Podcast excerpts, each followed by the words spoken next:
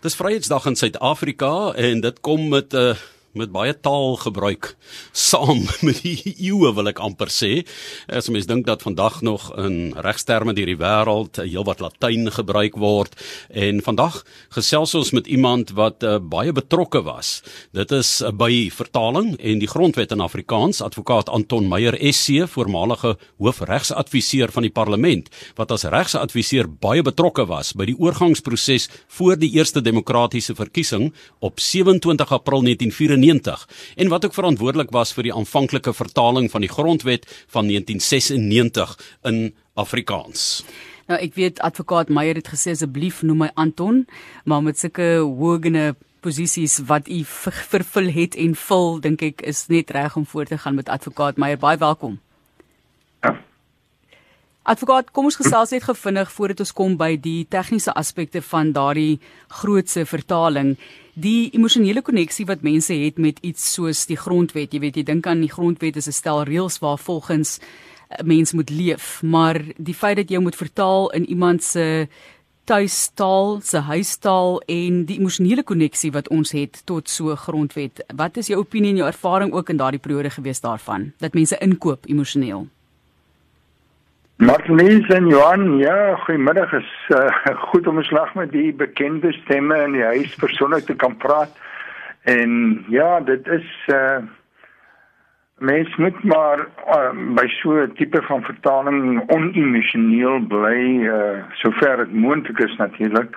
En uh nou ja, wat later met die ons gaan miskien later daaroor selfs met die vertaling gebeur het en wat nou nog met hom gebeur dit stem my 'n bietjie ongelukkig, maar nou ja, dit is uh dit is goed dat dit gedoen is en die grondwet is vandag in al 11 amptelike tale beskikbaar, maar uh ongelukkig is net een van daai amptelike tale uh is is die grondwet amptelik beskikbaar in die sin dat dit dat dit 'n afgekondigde wet is wat uh, wat regskrag het en dis die Engelse taal. Goed, so, so die ander harde werk wat gedoen word is bloot nou vir verwysings daar. Dit dit is hoor eintlik baie min daarvan. Maar vertel ons 'n bietjie uh, asseblief advokaat Meyer oor die werk in daardie wetsopstel afdeling um, by die staat. Uh, dis mos mense wat deur agter die skerm sit. Mense weet gewoonlik nie van hulle en hulle sit agter die heel verste skerm kan 'n mens amper sê. So uh, daardie mense die werk wat hulle daar doen. Ehm um, vertel vir ons die tipe mens wat daardie werk doen en en hoe dit voel om daar agter te werk maar tog word jou goed heel voorgeles. Ja, ja, dit is nogal eienaardig. My vrou het so 'n gedagte dat 'n mens moet baie besondere persoonlikheid hê om daar agter die skerms te sit en werk vir ure en vir dae aan mekaar. Ehm um, maar uh, ag dit is werk wat gedoen word en uh, almal daar daar's nie uh, dit is maar gewone wense wat daar werk en nou ja dit is uh, dis interessant uh, 'n mens kry met uh, baie soort konsepte uh, te doen wat dan uh, of jy met idees en dit is die probleem met die met die opstel van wette dat dat jy dat mense uh, iets moet bewoord wat eintlik gewoonlik wel in die posisie waar ek gewerk het, uh, is iemand anders se idees wat jy dan in wetstaal en behoorlike formulering moet uh, moet neerskryf. En die ander probleem natuurlik met wetsopstelling is is dat jy in dieselfde stuk die die wetsreël uh, uh, maak maar dit ook kommunikeer En en ja, dit is dit is bly maar is nog maar altyd 'n groot probleem van wetgewing en en omdat die die medium wat ons kan gebruik daarvoor is is eintlik maar net taal. En, en taal is 'n uh, ja, wat sou mense sê is 'n imperfecte medium. Ehm um, dit is altyd oop vir vertolking. Ek het al die beste moontlike uh bepaling opgestel en dan sal iemand anders kom en ja, 'n fout daarmee vind of of iets daarin lees wat wat ek dalk nie gesien het nie. Ja, so dit is uh ja, seker nie maklik om dit te doen nie om om dan nou, daar's altyd uh, wat hulle mense sê is soort van 'n inherente uh, dubbelsinnigheid. Ja. Ja. En ek dink ook as 'n mens net gaan kyk na die regsadviseur by die uitvoerende oorgangsraad, net waar jy die klem sit, uitvoerende of uitvoerende of oorgangsraad of oorgangsraad. Jy weet waar die klem lê, dis as asof waar die waarde ook in die woord lê en natuurlik in baie regsgedinge, regsaake hoor ons ook hoe ehm um, die mense ook ehm um, die woord analiseer en dikwels die klem skuif in die leksikon, die betekenis en al die tipe van dinge. Maar van 'n heel agterste skerm tot by Kempton Park by eh, 2 en regsadviseur by die uitvoerende oorgangsraad tot by die verkiesing en toe as regsadviseur in die nuwe parlement. Dit moes 'n ongelooflike taalreis gewees het deur politieke veranderinge in ons land. Hoe hou 'n mens dan by? Ja, Johan, dis dit is nogal dit laat ek sê ek was baie bevoorreg om die interessantheid tye deur te maak en voor dit was ek nog uh, baie redelik betrokke nou nie met die grondwet nie maar met die oorgang in Suidwes uh, Afrika en Namibië en toe later Walvis Bay en die oorgangsraad daar. So ja dit is dit is uh, nou nie spesifiek altyd met taal te doen nie maar En dit was interessante tye en ja, as mens van vandag terugdink, joh, dis al binne 30 jaar, né? Ehm uh, veral aan die aan die tyd van die uitvoerende oorgangsraad, jy weet die daardie eh uh, uh, dit was uh, spannende tye daai gewees omdat die uitvoerende oorgangsraad, ek weet nie of julle onthou nie, was mos so 'n nie 'n tussentydse raad nie, dit is daar gestel uh deur die onderhandelinge in Kempton Park om die speelveld gelyk te maak vir die verkiesing wat kom. En ja dit was interessant om om daar deel te wees van al die besprekings en die tussenwerking te sien tussen die regering van destyds en die uitvoerende oorgangsraad met al die mense wat daarop verteenwoordig is uh onder andere ons huidige president. Uh so ja dit is dit is, dit is interessante tye geweest is ingeskakel op 360 en ons gesels oor die geskiedenis, die vertaling van ons grondwet en ons gas saam met ons op die lyn vandag is advokaat Anton Meyer en vertel van daardie proses met die vertaling. Advokaat, as ons nou kyk na die wisselwerking tussen politiek en die wet, mense wil baie keer dink dit is dieselfde ding, maar die twee staan eintlik op verskillende bene, maar is verweef op 'n manier. Mense wonder wat kom eers ter die politiek en dan die wet of eers die wet en dan die politiek as jy vir ons daarvoor uh, daar in sig kan bied spesifiek as dit gaan oor die vertaling. Ja, by by vertaling uh, is dit is dit eintlik nou seker nie soveel betrokke nie omdat die vertaling uh, is maar eintlik 'n weergee van die teks bestaande teks in 'n ander taal. Uh, hy het sy uh, uh, uitdagings om dit te doen natuurlik uh, veral die oorsit van Afrikaans van Engels na Afrikaans uh, maar wanneer dit kom by die politiek die die politiek kom eintlik maar eerste wat want uh, dit is wat daar gesê word van van wetgewing daar so uitdrukking wat ek iewers in 'n in 'n handboek raak raak gelees het uh, legislation is politics politics put into words mhm. so uh, daardie daardie uh, uh, uh, uh, politieke besluit en die beleidsbesluit uh, uh, moet geneem word en dan is dit die taak van die van die wetsopsteller dan om daardie uh beleid as ware te verwoord. So dit is die verband tussen die twee die uh en en, en ja, dit is eintlik maar dan die politiek die politieke besluite wat die deurslag gee. Nou as 'n mens daardie vorm van vertaling doen en jy werk met die wet en jy werk met die reg, mag 'n mens vertaal en 'n bietjie verander. Uh, ek bedoel gebeur dit dat mense probeer om uh, om die betekenis te verander of taalreëls te ignoreer nie. Uh, ek wil amper sê bietjie digterlike vryheid jouself te veroorloof nie. Ja, Johan, ek dink dit is dit is waar die vertaling van van regstekste en dan spesifiek uh, wetstekste so ek sê verskil van van gewone vertaling, byvoorbeeld van 'n gedig of wat.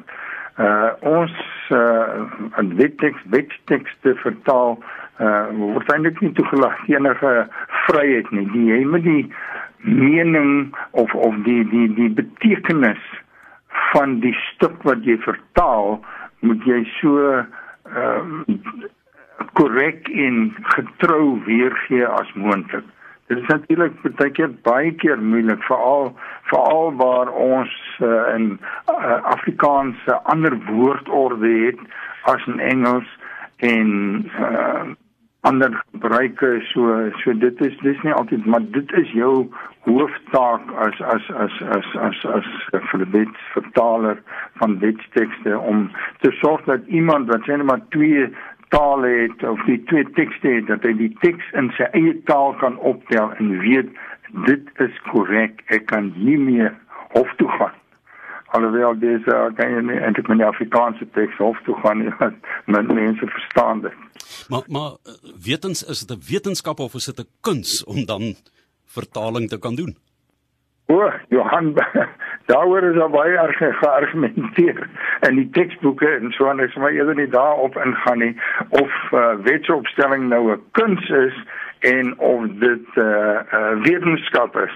Ehm um, en so baie daaroor kon sê maar uh, ek, ek dink tog uh, uh, dit is dit is daai het sekere trucs wat jy moet kan kan doen en dit kom maar deur lang oefening en ek het eendag 'n uh, uh, iets gelees van iemand wat iets gesê het uh, dit kom daarop neer as jy nou uh, om wetgewende behoorlike sinne wetgewende sinne te skryf uh as jy uh jou hele lewe daaraan werk en veronderstel jy het 'n normale lewensverwagting dan sal jy 'n goeie wetsteks kan skryf uiteindelik voor jy doodgaan maar maar nie lank voor dit nie. so dit is maar net daarop aan die mens dit is dit is 'n taamlike uitdagende werk ja. Jesus, mens moet maar vasbyt. ja, dis eins. Ek sê baie keer vir studente dis nie dis nie dis die ABC beginsel nê, die apply bottom to chair.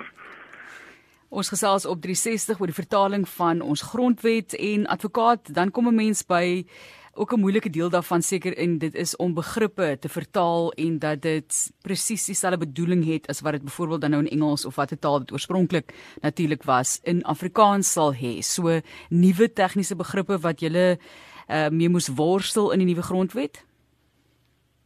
Ja, daar is so so klompie ehm um, en nee ja, mense het gelukkig die woordeboeke wat jou kan help en as die woordeboeke nie ehm um, heeltemal voldoende is nie of so dan dan steek jy maar kers op by iemand. Byvoorbeeld ehm uh, met betrekking tot die die die woorde in die in die grondliggende bepalinge van die van die 1996 grondwet waar die Engelse teks uh praat van uh, accountability responsiveness and openness. Ek het baie daarmee geworstel veral met die accountability is nou verantwoordelikheid of verantwoordbaarheid of wat ook al. Dit het eintlik by oorlede professor Johan Komprink van Stellenbosch gaan kers opgesteek uh, en hy het toe gekom met die met die voorstel van uh, verantwoordingspligtigheid ehm um, ja en responsabiliteit en openheid maar veral daai verantwoordingspligtigheid is sy woord so so dit so 'n klein monumentjie vir professor Kombrink hier, hier in ons grondwet. Ja, ja, ja en nie daar gewees het sou gewees het as nie as hy nie die voorstel gemaak het nie. Ja, en dan is professor Anton Meyer nou medepligtig aan daardie woord, hoor. so ek noem dit maar net. Maar um, ja, nou. As wat ja. as 'n groot stylverskille tussen die 93 grondwet en die huidige een. Uh, ek meen dit moet baie interessant wees vir julle wat spesifiek werk daarmee. Ja. Ja, daar is eh uh, uh, heel wat stylverskille. Kyk die die 93 grondwet ehm um, is het ons nou meer tyd gehad. Daarbey was ek nou meer betrokke by die opstel en by by Kempton Park al, alhoewel daar was komitees wat wat dit uh, gedoen het natuurlik. En maar daar het dit meer gegaan oor die inhoud. En ons en daardie wet is geskryf nog in die ou vorm wat ons ag vir eeue al gebruik het en wat eh uh, deur 'n man met die naam van Kood uh se ja geformaliseer is. Hoe hy het 150 170 jaar gelede. En sy voorbeelde is is 'n hele uh gemeenebes uh, gevolg. En dit kom daar neer byvoorbeeld dat jy bepalinge skryf waar jy begin met die voorwaarde en of die omstandighede en dan eers kom jy by die persoon wat iets moet of uh, moet doen of so die gesegde en dan eers kom jy by die werkwoord. En toe het uh, nee ja die plain language movement is nou nom gekom en mense het gesê ja maar as net sekere mense in die wêreld wat so agterste voor praat so nou die die, uh, die moderne tipe van wetsopstel is dat 'n mens begin by die onderwerp en dan die persoon wat iets moet doen. En dan sê wat hy moet doen en dan lys jy die omstandighede. So dit is uh, een van die groot verskille tussen die tussen die uh, 93 grondwet en en en en en en die huidige grondwet dat dat daai uh, die taal is baie meer direk en uh, uh, nou ja ons uh, ek dink hy is meer meer verstaanbaar. Hy sê hy's meer uh, ja En laastens dan as ons kan kyk na die gebruik van geslagsneutrale taal byvoorbeeld, was dit vir julle belangrik en hoekom? Ja, dis nogal interessant uh, uh dat uh, ek het eintlik nie eers besef nie uh, dat die die die 96 grondwet uh sal jy nie die woord hy of sy inkry nie so die voornaamwoorde nie en en dit is spesifiek vir daardie doel van geslagsneutrale of geslagsinsluitende taal. Kyk daar was 'n uh wat mense plain language expert van van uh Amerika wat ons kom help het en hy en hy en advokaat Gerrit Groewe van Pretoria het, het, het baie gewerk aan hierdie aan hierdie uh uh ja hierdie soort van uh, benadering. En hulle het uh, ja so so uh, uh, daar's daar's nou verskillende maniere. As jy nou nie die die uh, geslag wil noem die hoe kry jy dit nou reg? En nie as ek miskien 'n voorbeeld vir julle kan noem as jy nou vir byvoorbeeld die die tussentydse grondwet het gesê elke persoon het die reg op 'n omgewing wat nie vir sy of haar gesondheid nadelig is nie nou in die in die in die nuwe grond 96 grondwet het ons het nou omgesit en alhoewel jy begin met die enkelvoud slaan oor na die meervoud toe ek is nie heeltemal seker of dit taalkundig eh, korrek is nie maar dit in Engels kyk dit is blykbaar blykbaar korrek. Ons ons het gesê elkeen het die reg op 'n omgewing wat nie skadelik vir hul gesondheid of welsyn is nie. So is daar verskeie voorbeelde en ja, dit was belangrik om om dan inklusiewe taal te gebruik en ek is bly daaroor vandag want na uh, 1994 het hierdie aspek natuurlik al hoe al hoe belangriker geword. In Engels is dit he, she en it. So die it vervang dit baie maklik. Afrikaans werk nie altyd so nie. So mense moet uh, mense moet baie kreatief daarmee omgaan. Ek wil net ja. so ten slotte 'n vraag want ons tydjie is verstreke. Ons gas in die ateljee met wie ons gesels het hier is advokaat Anton Meyer, SC voormalige hoofregsadviseur van die parlement wat as regsadviseur baie betrokke was by die oorgangsproses voor die eerste demokratiese verkiesing op 27 April 1994 en wat ook verantwoordelik was vir die aanvanklike vertaling van die grondwet in 1996 in Afrikaans. Nou ehm um, ons het ook gehoor dis in al 11 amptelike tale vertaal, maar net gepubliseer in Engels wat dit nou vandag uh gebruik word. Dit is in die ander 9 amptelike tale ook vertaal, né? En ehm um, ek wil net so ten slotte net goed, dit is seker 'n teleurstelling dat dit nie gedruk word nie, maar Julle moes verskriklik hard werk daardie tyd en deurnag werk om om die grondwet in plek te kry. Ja, Johan daar was 'n hele paar deurnagte gewees vir my en vir vir sekretary Gerard Groewe wat eintlik die die die die op groot opsteller van die grondwet is uh, uh en maar om jou voorbeeld te noem kyk die die die die die Afrikaanse vertaling van die grondwet was nie aanvanklik op die kaarte gewees nie. Maar daar was 'n bepaling in die tussentydse grondwet van die sogenaamde nie inkorting van taalregte En toe in 'n baie laat stadium is daar besef, o, hier moet 'n Afrikaanse vertaling by hierdie uh, grondwet wees, anders kan dit nie aan daai vereiste voldoen nie. En toe staan nou in rase uh vertaling voorberei met die behulp van verskeie uh, kollegas by die staatsregsadviseurs en maar dit was maar 'n gejaagde gejaagde gewerk in die nag die aand voor die die uh grondwet aangeneem is op die 8de Mei 1996 het ek dwars deur die nag gesit en werk saam met twee lettersetters daar by die konstitusionele vergadering se kantore sodat daar die volgende oggend vertaling in Afrikaans gereed kon wees wat dit toe daarom daar was met met 'n paar gebreke moet ek byvoeg maar hoe dit ook al sê dit was daar daar is nou wel nie nou verwys deur enige van die lede nie maar daar is dan tegnies aan die vereiste van die interim uh, tussentydse grondwet voldoen. Nou advokaat Anton Meyer SC, voormalige hoofregsadviseur van die parlement, ook regsadviseur betrokke by die oorgangsproses vir die eerste demokratiese verkiesing 27 April 1994 en uh, verantwoordelik vir die aanvanklike vertaling van die grondwet van 1996 in Afrikaans, 'n ywerige Afrikaanse radio luisteraar na RSG en 360. Ek hoop ons kon ook so 'n bietjie help met 'n woordjie of twee. Al is dit dan hoe om dit nie te gebruik nie. Johan, beslis ek, ek leer baie by julle jong. baie dankie vir die heerlike gesels en in ons korrespondensie het advokaat Meyer vir ons gesê 'n radiogesprek met 'n wetsopteller oor sy werk sal 'n nuutjie wees want na die beste van sy wete het dit nog nooit gebeur nie. In elk geval nie in Suid-Afrika die afgelope 40 plus jaar sedert hy by die staat se wetsopstel afdeling begin werk het nie. Ons is baie trots om hierdie onderhoud dan te doen. Baie dankie vir die geweldige taak wat julle ook eh, van julle kant af volbring het met um, daardie deurnagwerk en daar by die agterste agterste agterste skerm waar daardie werk dikwels uh, verlore gaan. Jy weet nie wie dit gedoen het jy sien net die politikus of die regslui op die voorgrond wat die taal gebruik en dan kom 'n doer van agteraf. Baie dankie vir die lekker gesels. Groot plesier Jan dankie